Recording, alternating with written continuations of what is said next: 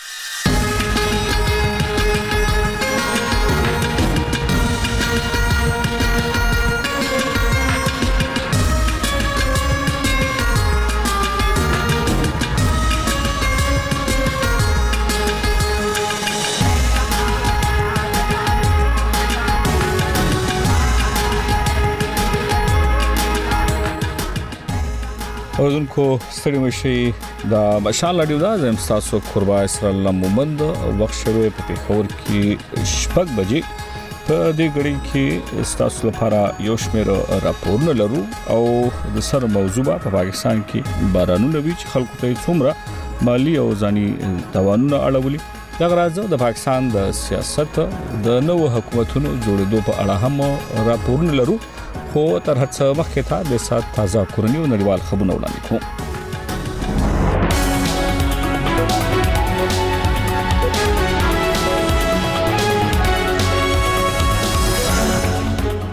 لومبه د خبرونو سرټکی په خبر پښتونخوا کې د زیات باران له کبله د مړو شمیر ولس ته رسیدلې د پیپلز ګوند مخکخه سرپرست بوکټه د بلوچستان اعلی وزیر ټاکل شوی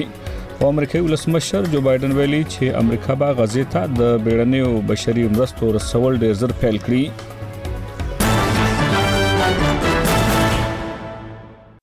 او د خبرونو تفصيل په خبر پښتونخوا کې د زیات باران لکبل د عملو شمیر ول سره رسیدلی د قدرتي پتونو پر وخت تنظیم صوبایي ادارې پی ډي ایم نن مشال ډوته په لګلی بیان کې ویلي چې د باران او زمک خویدنې لکبل د ولس کسانو د وجل کېدو ترڅنګ درويشت نه ټپي شوی هم دي په بیان کې د یاد ادارې د مشر محمد قیصر خان لخوا ویل شوی چې د واوري او زمکي خویدنې لکبل د بندو شو لارو د خلاصولو لپاره کار روان دي نوموړي زیاته کړې چې د خیبر پښتونخوا د چیف سیکرټري په لارښوونه ټولې اړوند ادارې بیړنیو حالاتو ته چمتو شوې دي دا برس حال کې دا چې د خیبر پښتونخوا په بیلابیلو سیمو کې له تیرو دوه ورځو راهیسې د زیات باران او واورې ورېدو لړۍ روانه ده د یو بل خبر لمخې د بلوچستان په گوادر کې د مرستې او ژغورنې هڅې په داسې حال کې روان دي چې چارواکي وایي په تیرو دوه ورځو کې د غلطه یو سل اتیا ملي متر بارانونه شوې دي په صوبه کې د قدرتي پتونو د نظم ادارې پی ډي ایم پرون په یو راپور کې ویل چې بارانونو او سیلابونو په ګوادر کې چخاران او کوټه کې یو سل څلويخت کورونه زیانمن کړي او په خاران کې د یو کور د دیوال راپریوتو په پیخه کې درې کسان وجل شوي او یو ټپي شوی دی پی ډي ایم زیاته کړې چې تر ټولو زیات باران په ګوادر او پسنی کې شوی دی د دوی په وینا د باران اوبه کورونو ته نوتی او سړکونه یې وړي دي پی ډی ایم پر ایکس پاڼه خبرداري ورکړې چې په را روانو 40 ساعتونو کې د بلوچستان په ډیرو سیمو کې د تیز بارانونو امکان دی ادارې په زیارت خانوزي کوټه چمن مسلم باغ او پښین کې د واورو ورېدو اټکل هم کړی دی د بره جنوبي وزیرستان انتظامیه وای د ضلع سب ډیویژن دفترونه مکین او سروکې ته وړي د یاد ضلع مرستيال کمشنر اشفاق خان پرونا وخت مشالې ډوته ویل چې دا پریکړه یې د خلکو د اسانتیا لپاره کړې د مکین د تاجرانو د اتحادیه مشر ملک ریاض مسید وای انتظامیه په دې اړه د تیرې میاشتې پر 13مه نیټه هم اعلامیه خبره کړې خو تر اوسه د پوینا عملی کار نه دی شوی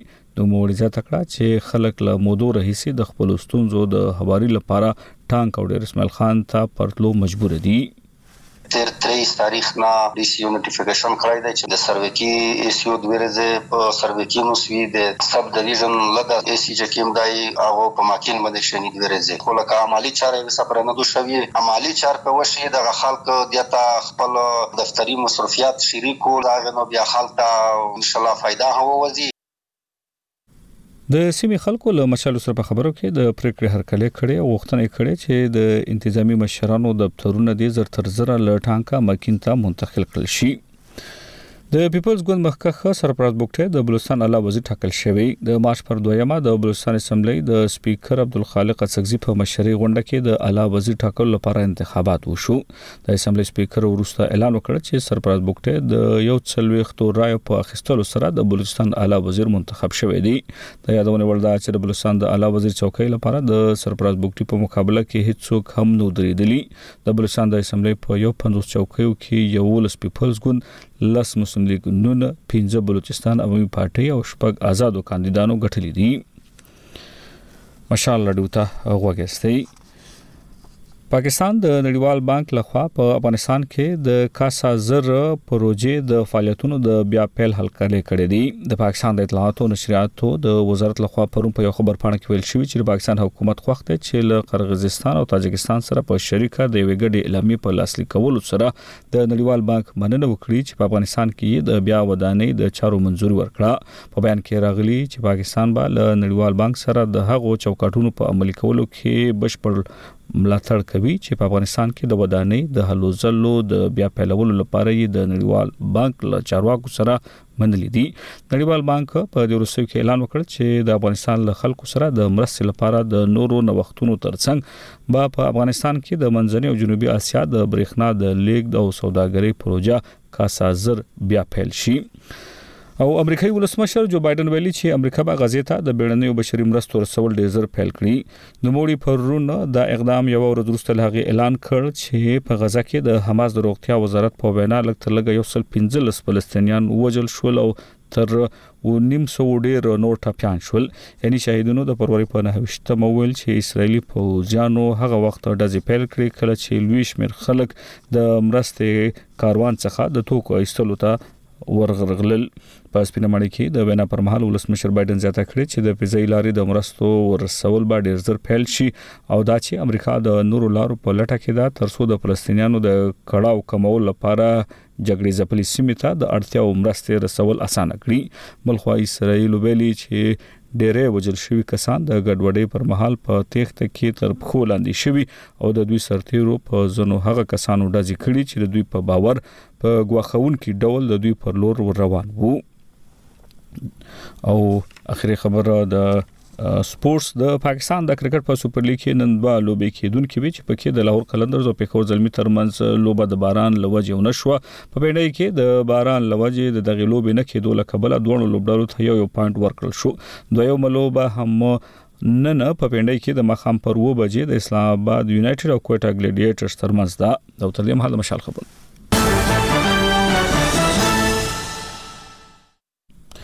خبرونه مو له مشال راډیو اوریدل تاسو یې زموږ خبرونه په مشال ډیو ډاټ کام هم اوریدئ شئ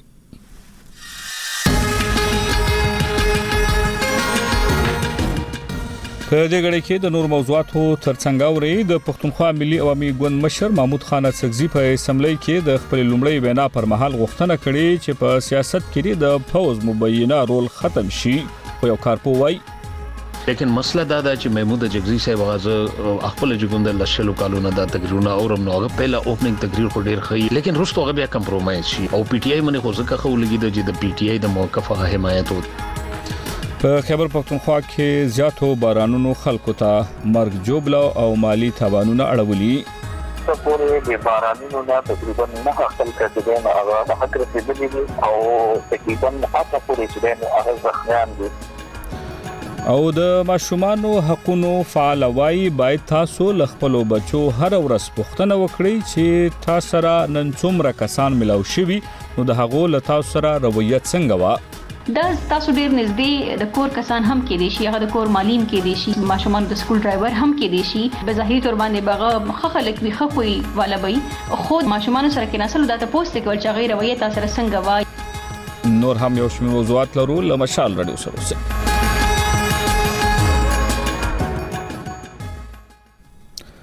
هڅو اوس هم د خبرونې لومړی موضوع څنګه تاسو خبرو کې هم وردل چې په خبر پښتونخوا کې د بارانونو او ورښتونو لامل ولستنه مړ شوې دي په خبر پښتونخوا کې پر دویم ورځ هم د بارانونو او واورې ورېدو سلسله روانه ده په بیلابېلو پیښو کې د بارانونو او ځمکویدنې پیښې شوي او په ډیرو سیمو کې د واورې ورېدو له امله سړکونه هم تړل شوي په صوبه کې د قدرتي پتونو پر وخت انتظام ادارې ویلي چې ټولي اړوند ادارې په هڅو بوخت دي چې متاثرون ته مرسته ورسوي د سواد ضلع انتظامی په هغو سیمو کې د مارتر نه همي د سکولونو د تړلو امر هم کړی چې پکې واوري وريږي نور تفصيل د مشال ډیو خبريال نیاز احمد خان راکوي د خیبر پښتونخوا په زیاتره سیمو کې د مارچ اولنې نیټې نه بارانونو او واورو ورېدو سلسله روانه ده خیبر پښتونخوا ملکن ډیویژن سوات شنګله بونیر چترال کوز او بردیر ملکن کې بارانونو ګڼ شمېر ودانو ته زیان اړولې د غرنګ مردان ملکن پیښور باجوړ کوزدیر لکی مروت چارسده نوخار شمالي او جنوبي وزیرستان کې هم واورې او بارانونو یو شمېر خلکو ته زیانونه اړولي بیړني حالاتو کې مرسته ورکوونکې ادارې ریسکیو یو یو دوه دوه خیبر پښتونخوا ویاند بلال احمد پیزي مشال راډیو ته وایي چې دا وخت د خیبر پښتونخوا زیاترو سیمو کې بارانونه او واورې وریږي او د ریسکیو یو یو دوه دوه هر ضلعې مشرانو ته امر جاري شوی چې د متاثره خلکو مرستو دې تیار اوسي. زیات تر چې کوم واقعات دي نو باجوړ کې درې ماشومان په هک رسیدلي دي او پېښور په ډبیر کې یو ماشوم چې دی نو هغه په هک رسیدلی وه دغسې لوړدیر کې چې دی نو هغې کې زنانه او سړی او یو ماشوم چې دی نو هغه په حق رسیدلې دی مالکن ډیویژن کې مور او لور چې دی نو په حق رسیدلې ده دغه چې نوخار شو پېښور شو ورته خیبر ضلع خیبر کې هم چې دی نو چتونه را پریوتی دي دا غینا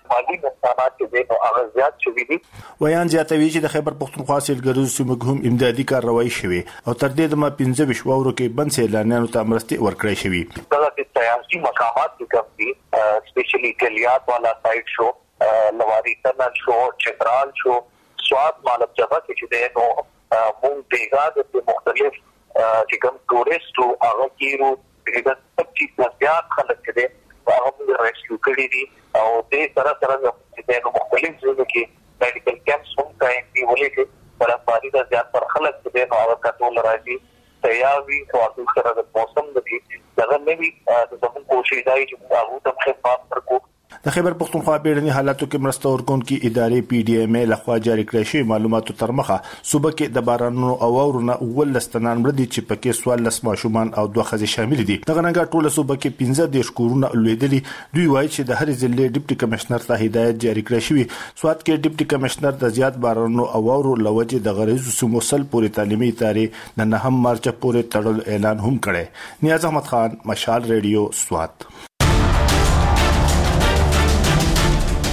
دا مشال رادیو ده مشال رادیو ته غوګستي او اوس هم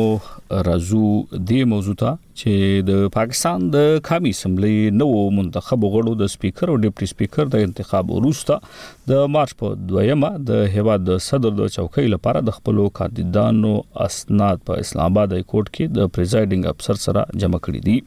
د مارچ په لومړۍ نیټه په قومي اسمبلی کې د انتخاباتو په نتیجه کې د مسلم لیگ نون غړي آیا صادق د سپیکر او د پیپلز پارټي غلام مصطفی شاه د ډیپټي سپیکر انتخاب شول په قومي سملې کې د وینا پر مهال د پښتونخوا ملي قومي ګوند مشر محمود خان څخه په سیاست او انتخاباتو کې د فوج او استخباراتي ادارو د مبینه کردار ختمولو غوښتنه وکړه په اوس تر اوسه په انتخاباتو او سیاست کې د لاسوهنې تورونو په اړه څه خبرګون نه دی خودلې خو مخکې یې په بیا بیا دا تورونه رد کړی دي بلخو د پاکستان الیکشن کمیشن وایي چې انتخابات پاک وو سني اتحاد کونسل د مارچ پر دویمه د محمود خان اڅکزي نوم د صدر د چوکۍ لپاره د خپل نومان په توګه اعلان کړ. د حکومت جوړولو لپاره اتحادي ګوندونو د پیپلز پارټۍ شریک چیرمین اصف علي زرداري د صدر د چوکۍ لپاره نومولی دی. نور تفصیل له اسلام آباد د مشال راډیو خبریال راشد خټک په راپور کې اورو چې په غونډه کې د محمود خان اڅکزي د وینا له یوې برخې پیلېږي. جناب اسپیکر جس انداز مے ہمارے ان جرنیلوں نے پیسے لیے ہیں وردی مے لوگوں کے حقوق پے ڈاکہ مارا گیا ہے آل دوز جرنل آل دوز بریگیڈیئرز آل دوز کرنلز دے شوڈ بی سیکڈ آؤٹ فرام پاکستان آرمی۔ دا د پښتونخوا ملي عوامي ګوند مشر محمود خان اڅکزی دی چې د مارچ په لومړۍ نېټه په قومي اسمبلۍ کې د سپيکر د ټاکنو نه پس وينا کوي. ښاغلي اڅکزي په انتخاباتو او سیاست کې د پوځ او استخبارتي ادارو د کردار ختمولو غوښتنه وکړه. د مخالف ګوندونو په چوکیو ناست د سني اتحاد کونسل غړو د میزونو په ډبولو سره د ده د وینا هرکلی وکړو، خو د حکومت جوړولو لپاره اتحاد کوونکو په شپږو ګوندونو کې د یو غړي عطا تارړ د ده په وینا نیوکې وکړې. د یو ټي وي چینل سره د خبرو په مهال تارړ وویل چې ښاغلی اڅکزی په انتخاباتو کې د خپلې ماتې پړه په اسټبلشمنټ وراچوي. د مارچ په دویمه نېټه د سني اتحاد کونسل غړو د صدارت د چوکۍ لپاره محمود خان اڅکزی خپل کاندید اعلان کړو. په اسلام اباد کې د خیبر ټي وي ډایرکټر نیوز مبارک علي وایي چې محمود خان اڅکزی د تېرو څلوېښتو کلونو راهیسې دغه خبرې کوي، خو د تحریک انصاف غړي اوس په خپله د اسټبلشمنټ خلاف دي، ځکه یې دوی هرکلی کوي. ده مشال رډیو ته وویل. موږ اوس ویلی شو چې د پاکستان په سیاست کې هر څه ممکن دي، ځکه چې دا هم هغه عمران خان و او دا هم هغه محمود خان اڅکزی و، کله چې په دلته سر ښار اسلام اباد کې لس کاله اګاهو ته چې کوم شپږ شلې ورځې کومه درنه شوې وه او په هغې کې به عمران خان په هر یو سیاستدان پسې او د هغه په سیاست پسې او د هغه په ذات پسې به ملنډې به یې کولې، محمود خان اچکزی هم د هغه نه بچ نه و، نو دا دن یو ډېر لوی سیاسي ډیولپمنټ دی او باقي که څوک دا وایي چې کومه تقریر یې کړی دی په قومي اسمبلۍ کې او کومه خبرې یې کړې دي د اسټبلشمنټ په اړه باندې د پاکستان د سیاست او د ریاست په اړه نو دغه فکر د محمود خان اچکزی څه اوسنی نه دی. د حکومت جوړولو لپاره اتحاد کوونکو شپږو ګوندونو مسلم لیګ نون، پیپل پارټۍ، متحده قومي مومنټ، استحکام پاکستان پارټۍ، مسلم لیګ کاف او بلوچستان عوامي پارټۍ د ملک د صدر لپاره د پیپل پارټۍ شریک چیرمین آصف علي زرداري د خپل کاندید په توګه اعلان کړی دی. په پېښور کې ازاد خبریال رفعت الله اورکزی د سني اتحاد کونسل لخوا د محمود خان اڅکزي د صدرت لپاره امیدوار جوړول ښه پرېکړه ګڼي. ما په نظر باندې چې دی لکه یو خه سیاسی فیصله دی دینه اوس دا ثابتیږي چې دا اوس بالکل ټیک ټاک مطلب لکه په پارلیمان کې چې دی یو کردار غواړي یا هلته کردار به چې دی مطلب لوبوي په دې چې دینه مخکې خو عمران خان دا دوه درې فیصلې چې کومې وکړې لکه دوه حکومتونه یې خپل مات کړو دا پنجاب او پښتونخوا یې چې مات کړی او بیا دا اسمبلو نه استعفې ورکړي نو اوس د هغو ګوندونه چې دي د هغه ګوند کوم خلک دي هغه اوس خپلې غلطیانې مني.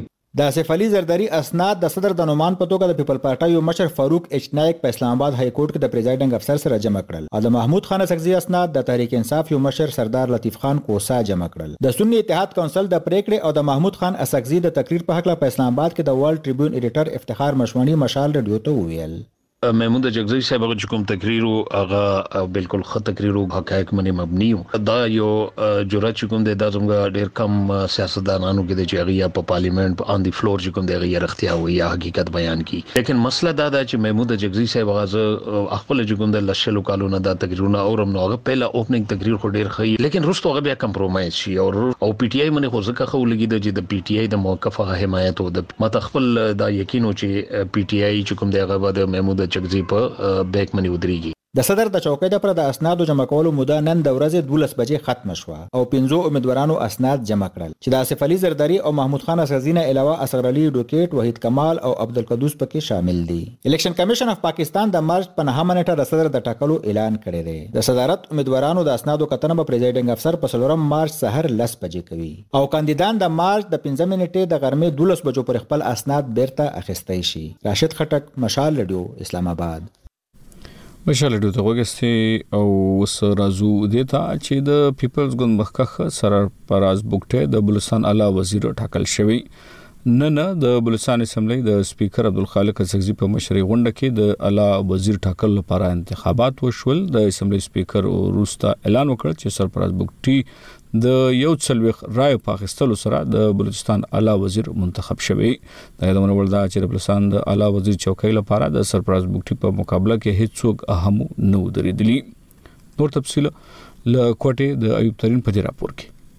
د بلوچستان د ډیره بوکټي سره تړاو لرونکي د پاکستان پیپلز ګوند غړی سرفراز بوکټي د بلوچستان نوی اعلی وزیر ټاکل شوی دی سرفراز بوکټي د بلوچستان اسمبلی په 15 شپته چوکیو کې د یو څلوېښت غړو رایه ترلاسه کړې ده ځکه چې جمعیت علما اسلام او نېشنل ګوند خپلې رایې نه دي کارولي د اعلی وزیر په توګه سرفراز بګټي ټاکنه د مارچ په دویمه نیټه د بلوچستان اسمبلۍ په غونډه کې وسوه د کوم مشري چې سپیکر کیپټن عبدالخالق اڅکزي کوله د غونډې د پیل کېدو وروسته د بلوچستان د اعلی وزیر لپاره د ووټ یا رایه ورکولو لړۍ پیل سوه خو د سرفراز بوکټي په مقابل کې بل امیدوار نه و نو ځکه سرفراز بوکټي یو څلوېښت رایې یا ووټونه اخیستي او د بلوچستان نوی اعلی وزیر وټاکل شو نوی اعلی وزیر سرفراز بوکټي د بلوچستان اسمبلۍ د غړو بیا په خاصه توګه د پیپلز ګوند د مشرانو مننه وکړه چې دی د صوبې د اعلی وزیر پر چوکۍ راوستی د ښاغلي بګټي په خبره چې بلوچستان د درې مهمو ستونزو سره مخ دی، په هغه کې د امن امان ترڅنګ حکومتي کمزوریاني او د چاپېریال بدلون شامل دی. د دې ترڅنګ په صوبه کې د تعلیم او روغتیا څانګې سمول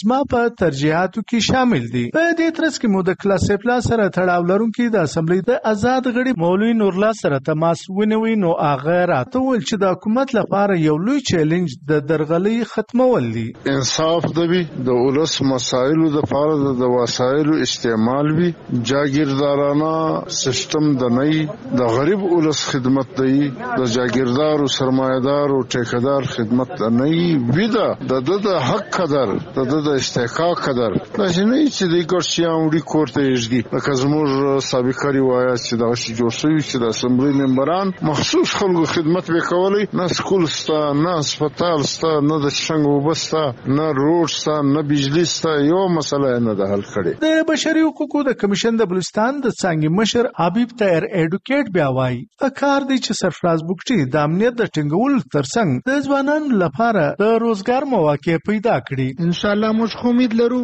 چې نن شه کیږي که سبا کیږي خو نو باید کې یو څوک خو وکړي ولې چې سرفراز بکټي ډیر کلوز دی هغه خلک سره چې در اصل دلته حکومتان چلی بهتر رول ادا کول سي خپل کسان د پاره خپل عوام د پاره خپل پبلک د پاره هغه بعد بیا دا د روزګار مسایل دي ډیر امپورټنت خبره چې دي زموږ خلک بیروزګار دي روزګار نه لري انډستریز نسته کاروبار نسته خو په کوټه کې د بلوچستان نامتو خبريال سید علي شیا زیاته کړه چې په ګډ حکومت کې په سمه توګه کار کول د اعلی وزیر لپاره ډېر ګران دی. بلوچستان کې ګورننس ډېر خراب دی، دلته چې څه سرکاري محکمې دي په هغو کې درغلي یعنې کرپشن ډېر زیات دی، د دې سره سم میرټ پکې نشته او بله خبره دا چې ده چونکه دلته یو شریک حکومت دی، مخلوط حکومت دی، په ګډ حکومت کې کار کول ډېره ګرانه خبره ده. دلته هر وزیر داسې دی لکه وزیراعلی هغه ته چې کومه محکمه دی ورکړي نو هغه به د هغه محکمې مکمل انچارج وي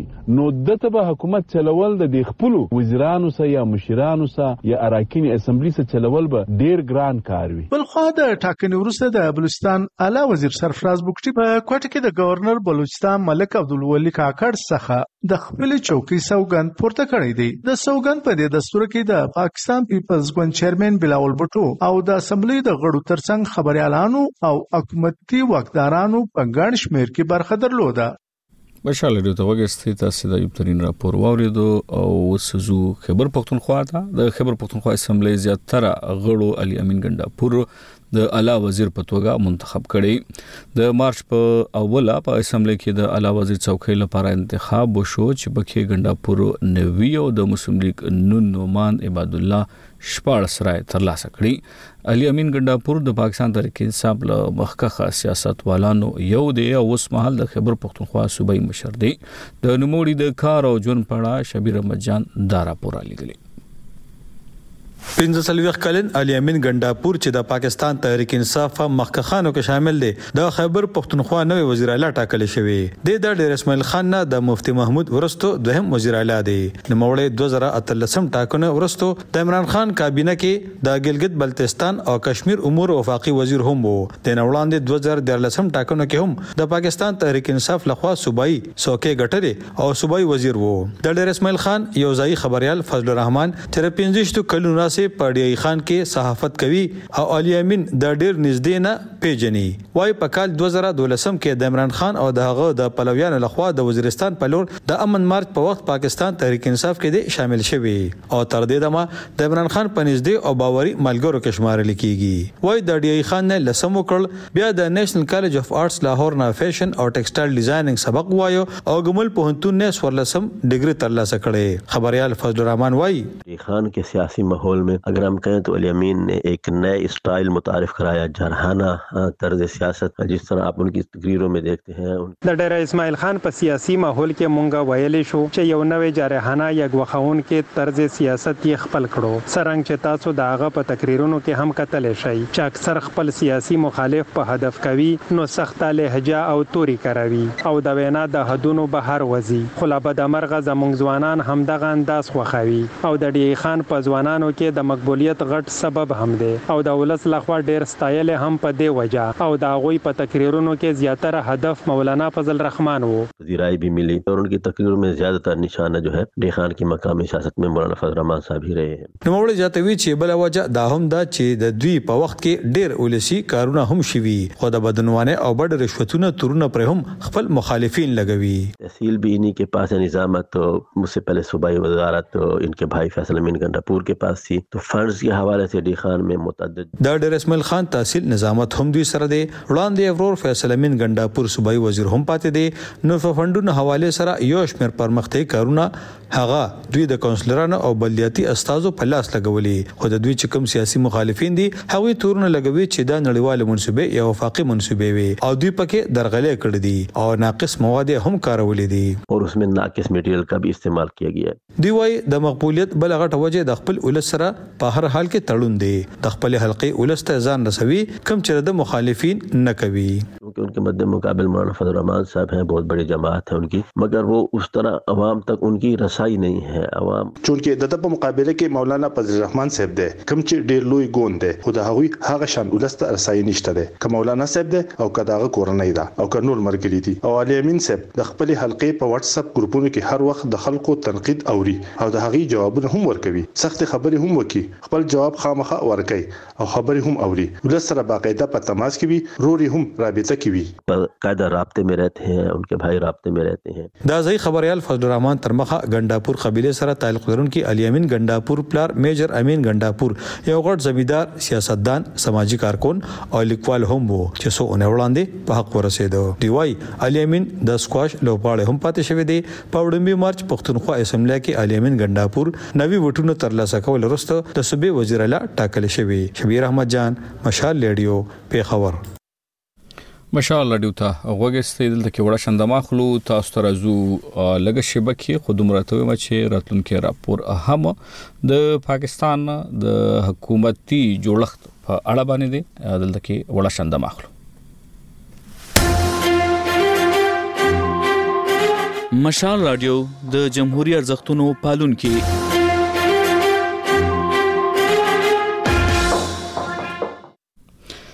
اردوونکو د مسلم لیګ نن مخکخ آیا صادق د پاکستان قومي اسمبلی سپیکر منتخب شوی پرون په قامي اسمبلۍ کې د رای اچولو پر مهال یو سل نه نوي غړو ایا صادق تا او یو نوي غړو د سنی اتحاد کونسل نومان عامر ډوګر ته رای ورکړي دا چې سپیکر څنګه ټاکل کیږي او څه واک او اختیار لري ګوهر مسید پر راپور لري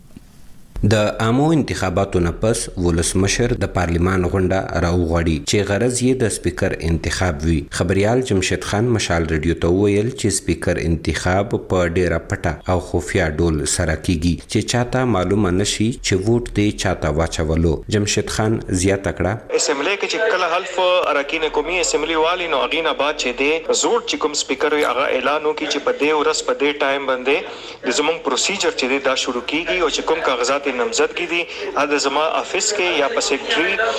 قومی اسمبلی چې دی هغه کې دا جمع شی هغه نه بعد د دی سکروټنینګ کیږی او د سکروټنینګ نه بعد چې دی په نیکسټ ډی پروسیجر چې دی هغه شروع شی نوی سپیکر چې دی اولنی کار دا کای چې هغه فورا چې دی د ډپټي سپيکر انتخاب شروع کړي او د ډپټي سپيکر انتخاب چې کله هغه شروع کړي هغه هم داسې پروسيجر وي. وکيل اسدالله خان مشال ريډيو سره خبرو کې وويل چې سپيکر يو داسې آئيني او مهمه څوکي ده چې له دې بغېر د قامي اسمبلۍ غونډه هم نه شي کېدې. که سپيکر په موقع موجود نه وي نو دا کردار بيا ډپټي سپيکر پوره کوي. اسدالله زياته کړه. په نشنل اسمبلۍ کې سپیکر د یو ریفري په طور باندې کار کوي او دا یو ډیر پاور فل سیټ دی. دوی چې کوم د نشنل اسمبلۍ چې کاروي ده هغه ریګولیټ کوي. دغه شانتې دا د یو پریزایډینګ افیسر په طور باندې کار کوي یعنې د ټول نشنل اسمبلۍ چې کوم غړي دي د هغې د ټولو دې افسر ناست وي او ده سره د اختیار وي چې څوک نشنل اسمبلۍ ته پریږدي څوک د کاروي دوران د نشنل اسمبلۍ نه بهر وباسي دغه شانتې پروډکشن آرډرز جاري کولی شي که یو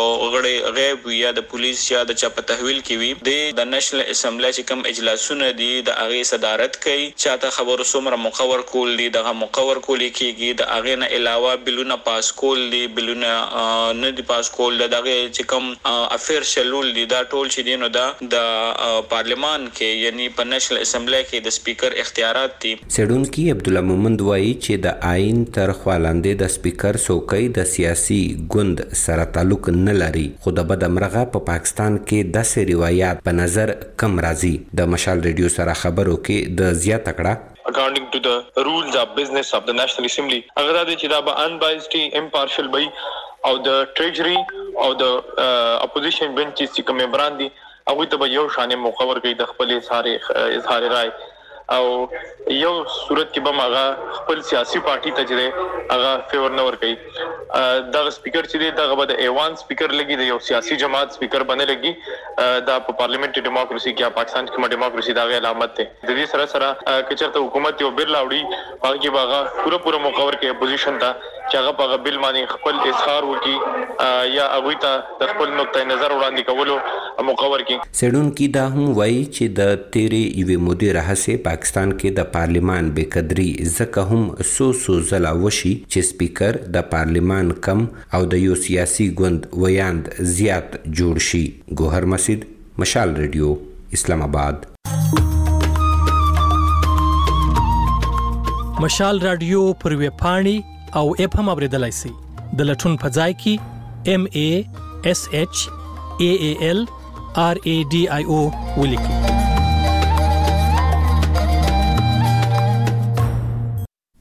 مشال اډیو ته غوږسته وخت شه په پېښور کې شپږ نیو بجې تاسو ته د خبرونو لنډی وړاندې کوم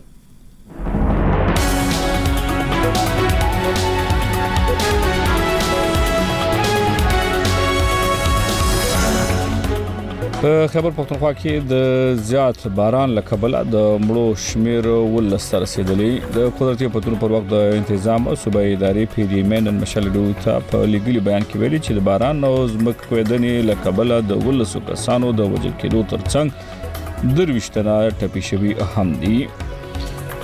د بلوچستان په گوادر کې د مرستې او ژغورنې هڅې په داسې حال کې روانې دي چې چارواکي وايي په تیرو دوه ورځو کې د غلطه یو سل اتیا ملي متر بارانونه شوي په صوبه کې د قدرتي پتونو د نظم ادارې پی ډی ایم پرون په یو راپور کې ویل چې بارانونو او سیلابونو په ګوادر کې چخاران او کوټه کې یو سل سلوي کورونه زیانمن کړي او په خاران کې د یو کور د دیوال را پریوتو په پیښه کې درې کسان وژل شوي او یو ټپي شوی دی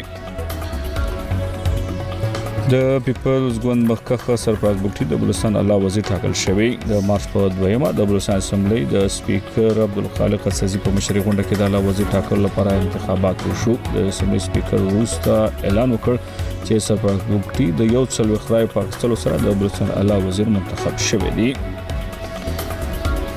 امریکایي ولسمشر جو بایدن ویلي چې امریکا به غزې ته د بیړنیو بشري مرستو رسول ډیر زر پیل کړي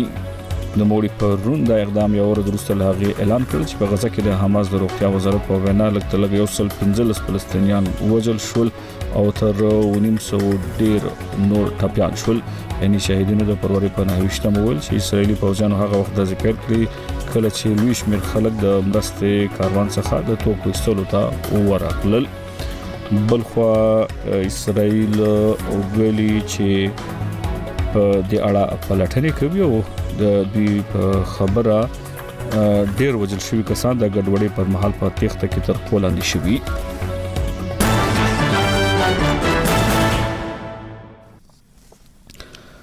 د خبرونو لنډیز مو وروره په دې نیمه کې هم یو شمیر موضوعات لرو خو تر هر څه مخکې راځو د ته چې د طالبانو حکومت د افغانستان د بشري حقوقو د وضعیت په اړه د ملګرو ملتونو د ځانګړي استاذ ریچارډ بنډ راپور د دوی پر ضد یو تبلیغاتي هڅه بللې خو د بشري حقوقو د څار سازمان دا راپور د افغانستان د بشري حقوقو د وضعیت لپاره مهم بولی خاغلی بنت د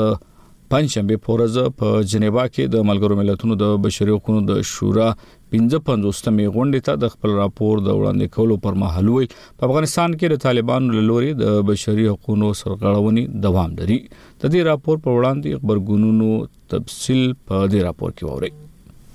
په داسې حال کې چې په افغانستان کې د بشري حقونو د روان وضعیت په اړه د ملګرو ملتو د ځانګړي راپورتر ریچارډ بینیت وروستی راپور د بشري حقونو ډلو ستایلی، د طالبانو حکومت دا راپور د خپل حکومت پر ضد تبلیغاتي هڅه بللې ده. د طالبانو د حکومت ویندوی ذبیح الله مجاهد پرون پر خپله ایکس پاڼه پرته له دې چې د نجونو پر تعلیم او کار د محدودیتونو په اړه د ښاغلي بنت د راپور جزیاتو ته اشاره وکوي، د اوسني او پخواني وضعیت د مقایسې په هدف لیکلي چې د پخوا پرتله ټول افغانان ښځې او نارینه فزیکي، مالي او روحي مصئونیت لري، څوک د چا په حق تجاوز نه شي کولای، هر وګړی د خپل شرعي حق خاوند دی او په امن کې ژوند کوي، نوموړی زیاتوي چې د بنټ راپور بیا هم د طالبانو د اسلامي امارت په وړاندې د پروپاګنډ هڅه ده.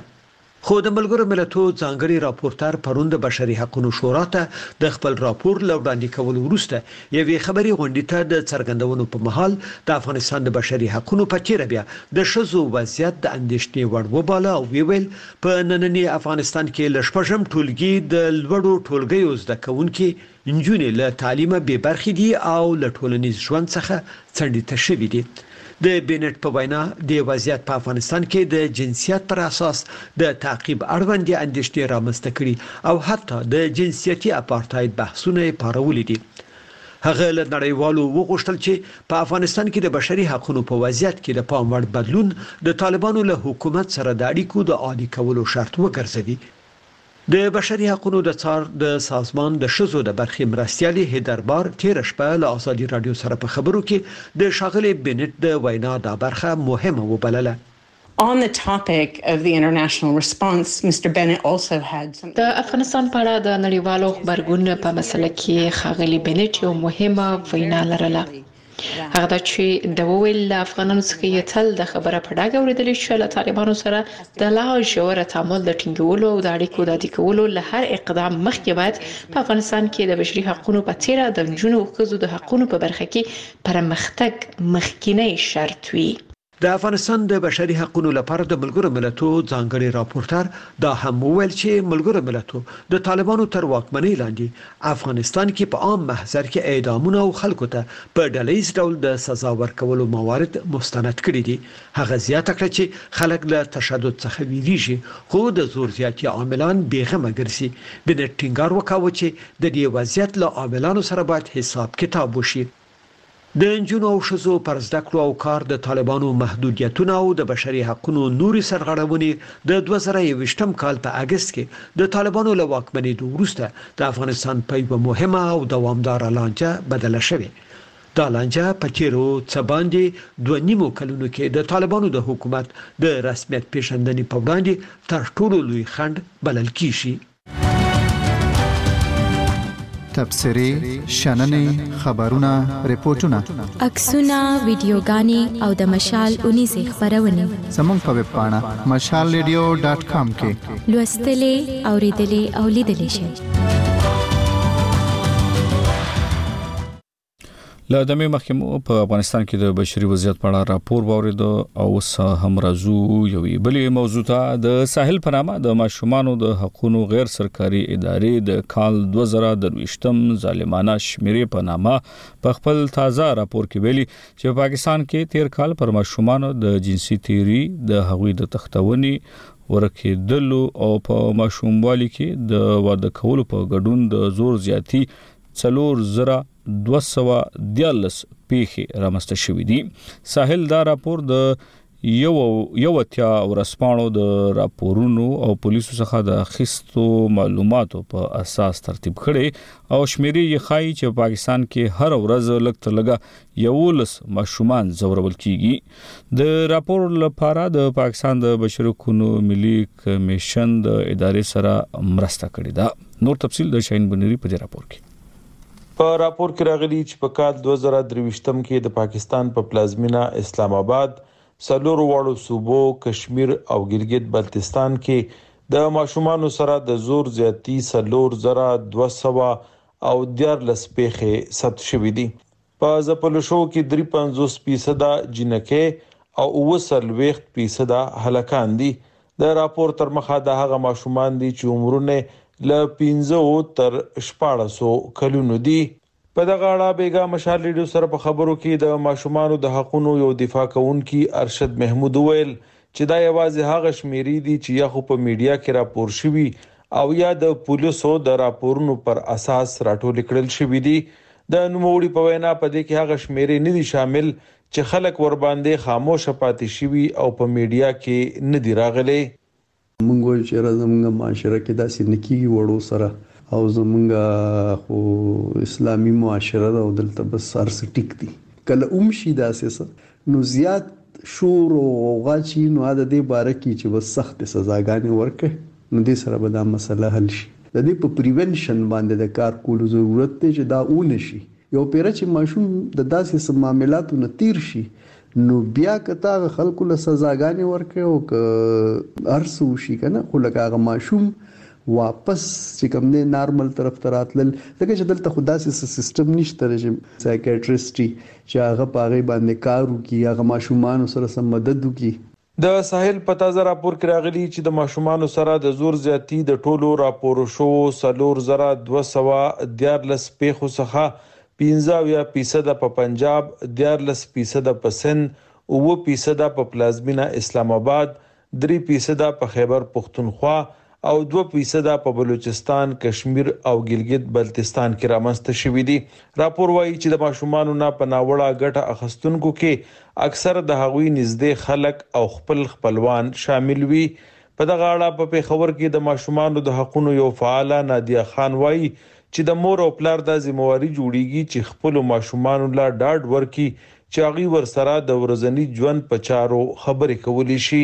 نوموړې زیاتوي. مشران چې کوم دي، مور پلار، هغوی ته دا هم په ذهن کې خبره ساتل په کار دي چې دا پوټنشل هراسرس چې کوم دي د ماشومانو په کیس کې دا ستاسو ډېر نږدې د کور کسان هم کېدای شي، هغه د کور معلم کېدای شي، هغه د ماشومانو د سکول ډرایور هم کېدای شي چې کوم دی هغه به ظاهري طور باندې به هغه ښه خلک وي، ښه خوی والا به وي، خو د ماشومانو په کېس کې د ماشومانو سره کېناستلو دا تپوس ترې کول چې هغوی رویه تا سره څنګه وه یا هغوی چې کوم دي تا سره ټریټمنټ څنګه وه ورځ یې ته تېره کړه نو په کومه طریقه ښه تا سره راپېښ شول. د راپور ترمخه په دوه زره او یوویشت قضیو کې په ماشومانو د دواړو جنسونو یعنې سړو او ښځو لخوا جنسي تېری شوی په یو شپېته قضیو کې د جنسي تیري وروسته وژل شوي او لږ تر لږه یو زر اته سوه درې دېرش قضیې داسې دي چې د تښتونې سره تړاو لري. دغه راز په تیر کال کې د ورکو شوو ماشومانو شمیر درې سوه دېرش و او د دوو هلکانو په ګډون د کم عمرۍ د ودونو د نهه ویشت پیښو په اړه راپور ورکړل شوی دی. په دغه اړه د حقونو یو بل مدافع او په خیبر پښتونخوا کې د ماشومانو د تحفظ د کمېشن یو غړی عمران ټکر وايي چې د کال دوه زره دوه ویشتم او کال دوه زره درې ویشتم په شمېرو کې ډېر فرق نشته خو ښه خبره دا ده چې د تېرو دوو کلونو راهیسې په راپور کې د هلکانو سره سره د جینکو سره د زور زیاتي د پېښو راپور هم ورکړل شوی دی. په دې کې درې یا څلور فیصده د خیبر پښتونخوا نه او د بلوچستان نه، باقي نوره څومره هم شمېره چې کومه ده، نو هغه د نوي فیصد برابر تقریبا چې ده، نو هغه په سند او په پنجاب نه مخې ته راغلې ده. نو موږ بیا هم دا ویلی شو، چې یاره اوس هم زمونږ په بلوچستان او خیبر پښتونخوا یا زمونږ چې کومه زمشوي قبایلی سیمې دي نو دلته اوس هم کیسونه چې دي نو هغه شانته نه رپورت کیږي څنګه چې په پنجاب کې رپورت کیږي د ماشومانو د حقوقو د چارو پوهان وایي چې د ماشومانو د حقوقو په اړه د ناپوهۍ آبادې د زیاتېدو او ځنو کلتوري او ټولنیزو محدودیتونو لکبله د ماشومانو سره د زور زیاتي پېښې زیاتې شوې دي. په کال دوه زره اتلسم کې د پنجاب په قصور کې د زینب په نامه یوه شپږ کلنه جینۍ وتښتول شوه، جنسي تېری ورسره وشو او بیا ووژل شوه. د پاکستان وفاقي حکومت د دغه پېښې نه وروسته په کال دوه زره شلم کې د ماشومانو د حفاظت لپاره د زینب الرټ ریسپانس اینډ ریکوري اېکټ منظور کړ او د بشري حقونو په وزارت کې د زینب الرټ ریسپانس اینډ ریکوري ایجنسي جوړه کړه. د دغه ادارې مشر جهانزیب خان وايي چې حکومت د قوانینو په ګډون په هره صوبه کې ادارې هم جوړې کړې دي، خو دا ستونزه ډېره پېچلې ده او هوارول یې یوازې د حکومت د وس خبره نه ده. بلوچستان او خیبر پښتونخوا کې چایلډ پروټیکشن کمېشن دي په سند کې چایلډ پروټیکشن اتارټي ده په پنجاب کې چایلډ پروټیکشن بیرو ده او اسلام آباد کې چایلډ پروټیکشن انسټیټیوټ دي نو ادارې شته حکومت په خپل لیول باندې د داسې قسم کیسونو د مخنیوي لپاره لکه قوانین هم جوړ کړی دي قومي او صوبایي او ورسره ورسره ادارې هم دي د یادونې وړ ده چې پاکستان په کال نولس سوه نوي کې د ماشومانو د حقونو په اړه د ملګرو ملتونو کانونسیون لاسلیک کړی او ژمن دی چې د کانونسیون احکام عملي کړي او هر پنځه کلونه وروسته په جنیوا کې د ماشومانو د حقونو لپاره د ملګرو ملتونو کمېټۍ ته د پرمختګ راپور وړاندې کړي.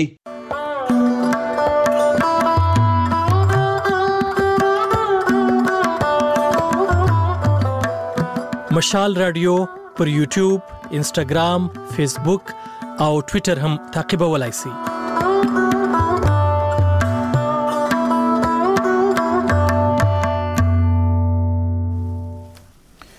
مشال رادیو ته غوګستي اوریدونکو عوامي نېشنل ګوند وایي چې په انتخاباتو کې درغلې شوې او دوی به د احتجاج په توګه د هر ډول پارلماني انتخاباتو نه بایکاټ کوي د ګوند مرکزی مشر اسپندر ولی خان په یو بیان کې ویلي چې دوی د پارلمان او جمهوریت په پیاوړتیا او د وګړو په واکمنۍ باور لري او اوس به د پارلمان نه بهر د حقونو لپاره مبارزه کوي له دې وړاندې جمعیت علما اسلام وفي هم په انتخاباتو کې د درغلۍ تورونه پوري کړي او د سپیکر ډیپټي سپیکر او وزیر اعظم په انتخاباتو کې د ګډون نه انکار کړي دا چې دا رقم احتجاجونه به څه اغیز ولري او کنه پړې تفصیل د شبیر احمد جان په دې راپور کې. د عوامي نېشنل ګوند مشر اسفندیار ولي خان تورونه لګولي چې په اتمه فرورۍ ټاکنو کې په لویه کچه درغلۍ شوي دي او د پیسو اخیستلو په بدل کې خلکو باندې څوکۍ وېشلې شوي دي. نوموړي د فبرورۍ په نهه ویشت مه په خپل اېکس چې وړاندې ټویټر و لیکي چې په تېرو ټاکنو کې د پیسو استعمال مثال نه ملاوېږي او باید حقیقي ولسي استازو ته دې خپل حقونه ورکړل شي کني د دوی ګوند به د هر ډول پارلماني ټاکنو نه بایکاټ کړي. دا چې د دوی یا جمعیت علماء اسلام فعې ډلې له خوا دا ډول ګامونه به څه اغېز وغورځوي او که نه، نو پېښور کې خبریال او شنونکی صفي الله ګل مشال لېړو ته وايي. که عوامي نېشنل پارټي موږ هغه وګورو نو یو خو دا دی چې په اسمبلي کښې د دوی د پوزیشن څومره دی که نه که څه داسې نه ښکاري چې ویايي چې ګڼه د دوی د دغې اتیا او که روډونل یا د غانا اور احتجاج ګڼه مستقل دوی د کوي هغه یو بېل هغه ده خو جي یو آی خو بیا هم ګڼه یو داسې پوزیشن و چې که په خېبر پښتونخوا کښې وګورو نو نهه سیټونه ګڼه د خواتین چې کوم ریزرو دوه سیټونه دي هغې سره دوی د نهه غاو. په اتمې فرورۍ شوې ټاکنو په اړه یو شمېر نور سیاسي ګوندونه هم دا ډول تورونه لګوي او وخت په وخت یې احتجاجونه هم کړي دي نو آیا دا به دغه احتجاج کوونکي سیاسي ګوندونو ته څه سیاسي ګټه ورورسوي او که نه نو لیکوال او څېړونکي چې د پښتونخوا په سیاست نظر لري شمس مومند وايي. زما خپل خیال دا دی چې د سیسي څه خاص فایده نه کیږي البته ملک او قوم له او عوامو ته به نقصان ضرور کوي ولې چې په ملک کې به عدم استحکام جوړیږي. د خلکو امید او توقعات دا و چې انتخابات وشي نو په ملک کې به سیاسي استحکام راشي، خو که فرض کړه د هر یو سیاسي ګوند څنګه چې تاسو وویل چې دا ټول په احتجاج باندې دي نو بیا به څنګه استحکام راځي چې تر څو پورې سیاسي استحکام را نه شي نو معاشي استحکام به نه راځي. دا د مننه چې عوامي نېشن ګوند په اتمه فرورۍ شوې ټاکنو کې خیبر پښتونخوا کې یو او بلوچستان اسمبلۍ کې دوه څوکۍ تر لاسه کړې دي او له هغې وروسته یې په صوبه کې احتجاجي تحریک پیل کړی دی او په ریاستي ادارو په ټاکنو کې د لاسوهنې، ټګۍ او د پیسو اخیستلو د لارې امیدواران کامیابیولو تورونه هم لګوي خو د دغه تورونو په اړه الیکشن کمیشن یا نور ریاستي ادارو هیڅ نه دي ویلي خو پاکستان پوځ نګران وزیراعظم انورالحق کاکړ او الیکشن کمیشن د اتمې فروری ټاکنې شفافې او ازادې ګرځولي دي شبیر احمد جان مشال لیډیو پیښور.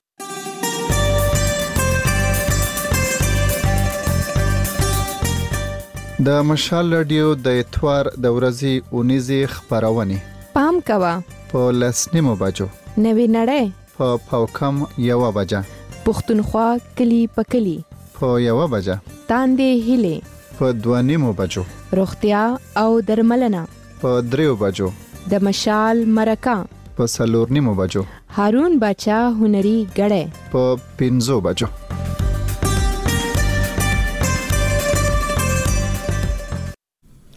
مشال اړیو ته غوږی ستې اوریدونکو د سویل وزیرستان انتظامی چارواکي وایي پریکړه کړې چې د ضلع د سب ډیویژن دفترونه مکین او سروکي سیمه ته منتقل کړي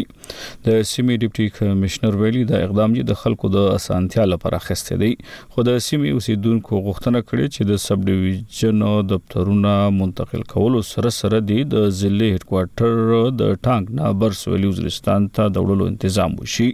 د یادونې وړ ده چې د خبر پښتونخوا حکومت په کال 2022 کې جنوبي وزیرستان اپرتا د ضلع درجه ورکړي خو د ضلع چارواکو دفترونه یې ورته لا نه دي منتقل کړي تفصیل د اشتیاق مسجد په دې راپور کې د سویلي وزیرستان اپر ضلع ډپټي کمشنر مشال ریډیو ته ویلي دي چې د ضلع سب ډویژن دفترونه یې د خلکې سهولت د پوره ماکین او سروکۍ سیمې ته منتقل کړي دي.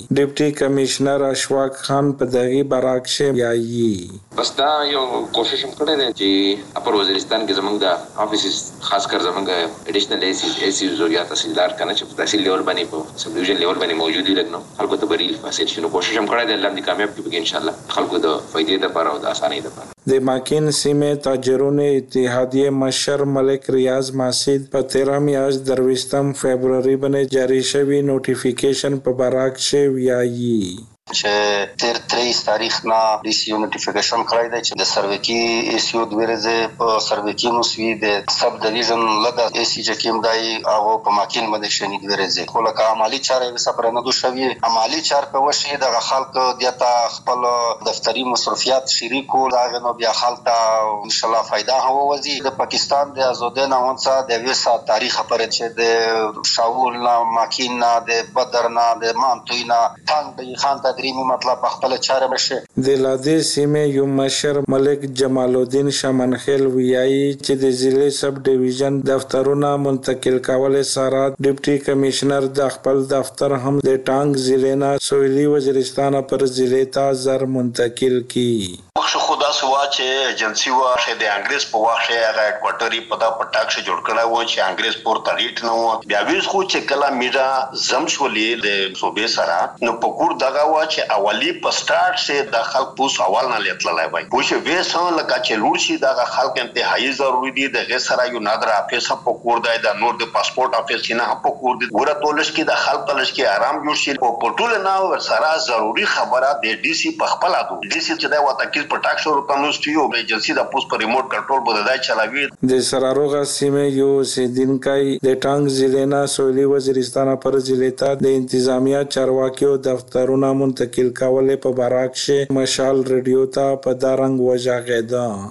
مو نوم کلیم الله دی تحصیل سره روبه سره مو تعلق دی چه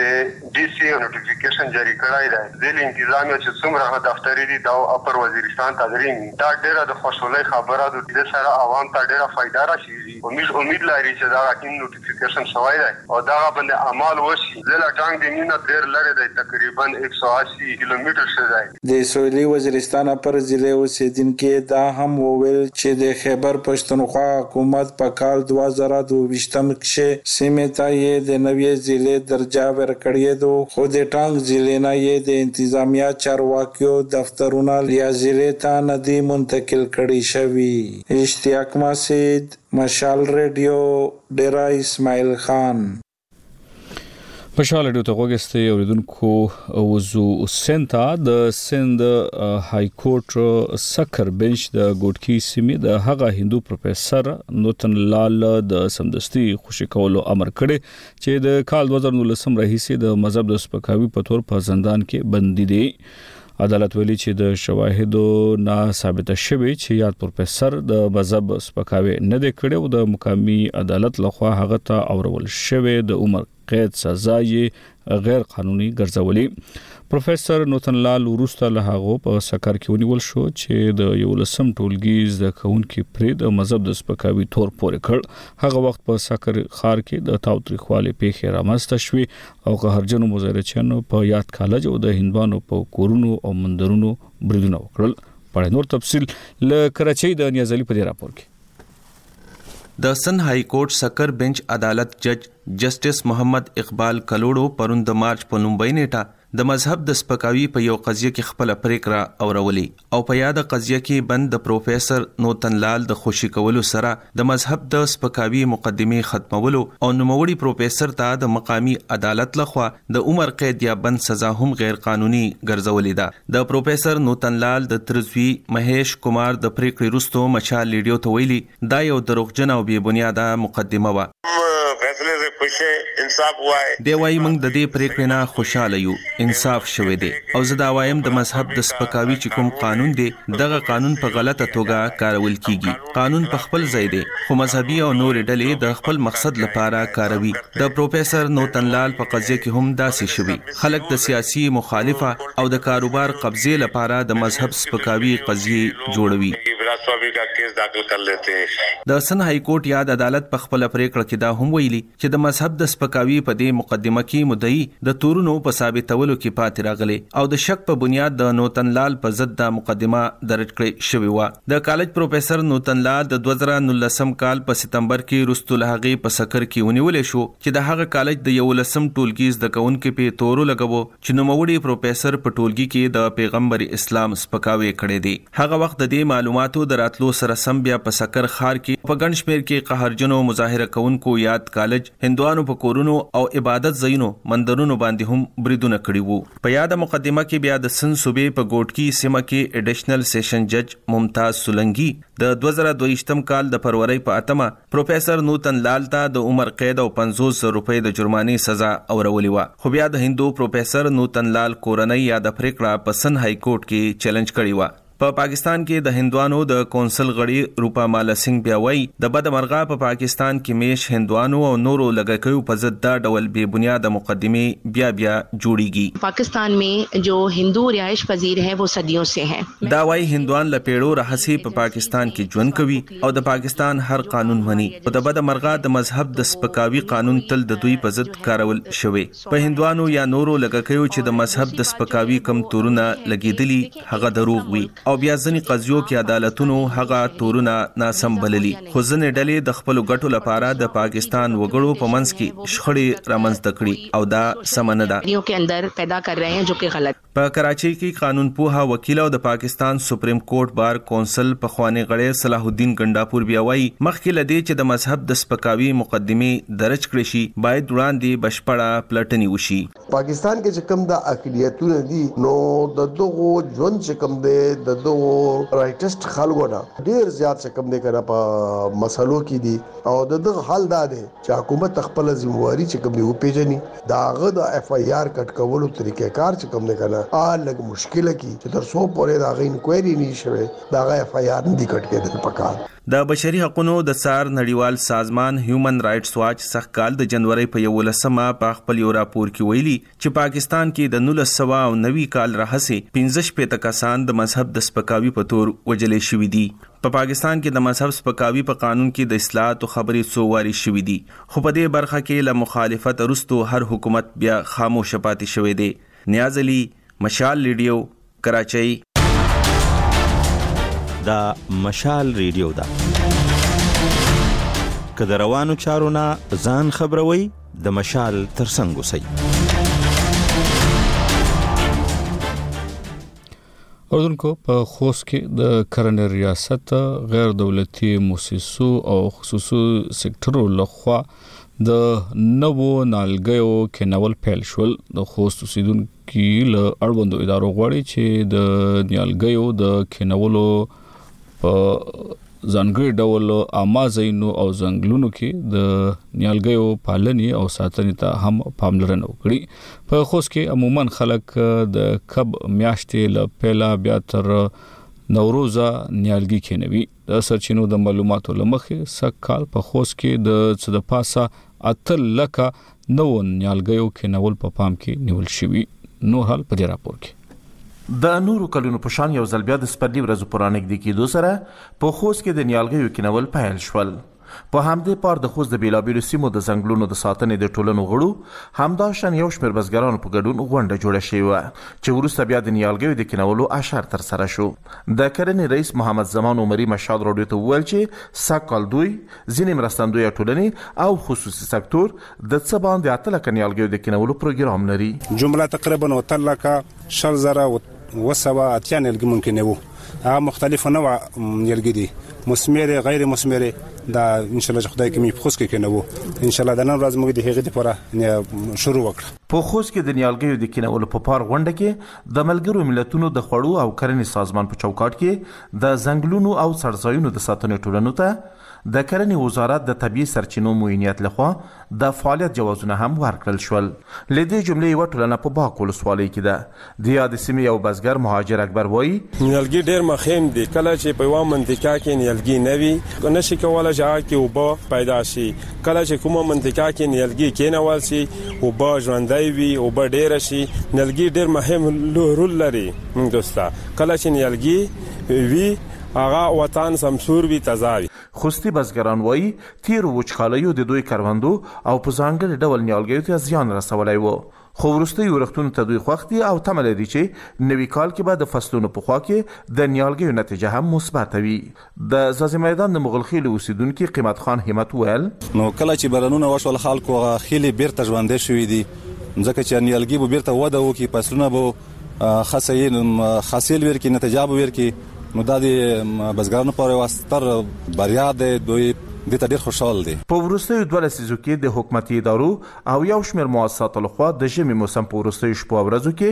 په عامه ځایونو او غرونو کې په لکونو نیالګي کینول کیږي، خو پایله یې په هغه اندازه د پام وړ نه ده چې خلک یې هیله لري. د صبریو د زمبر د سیمې اوسیدونکی حاجي حکمتي وايي. خو ما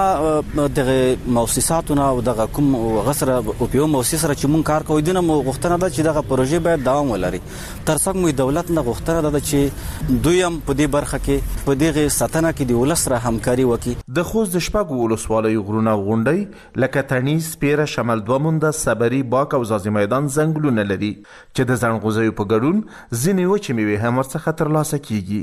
سره له دې چې د خوست د ځنګلونو ډېره برخه په وروستیو څلورو لسیزو کې وهل شوې او له منځه تللې ده، خو په وروستیو کلونو کې یې د ځايي خلکو له خوا ساتنې او پالنې ته پام ډېر شوی دی. مشال راډیو پر وېبپاڼې، او اپ هم اوریدلای شئ د لټون په ځای کې ام ای اس ایچ ای ای ال ار ای ډی آی او ولیکئ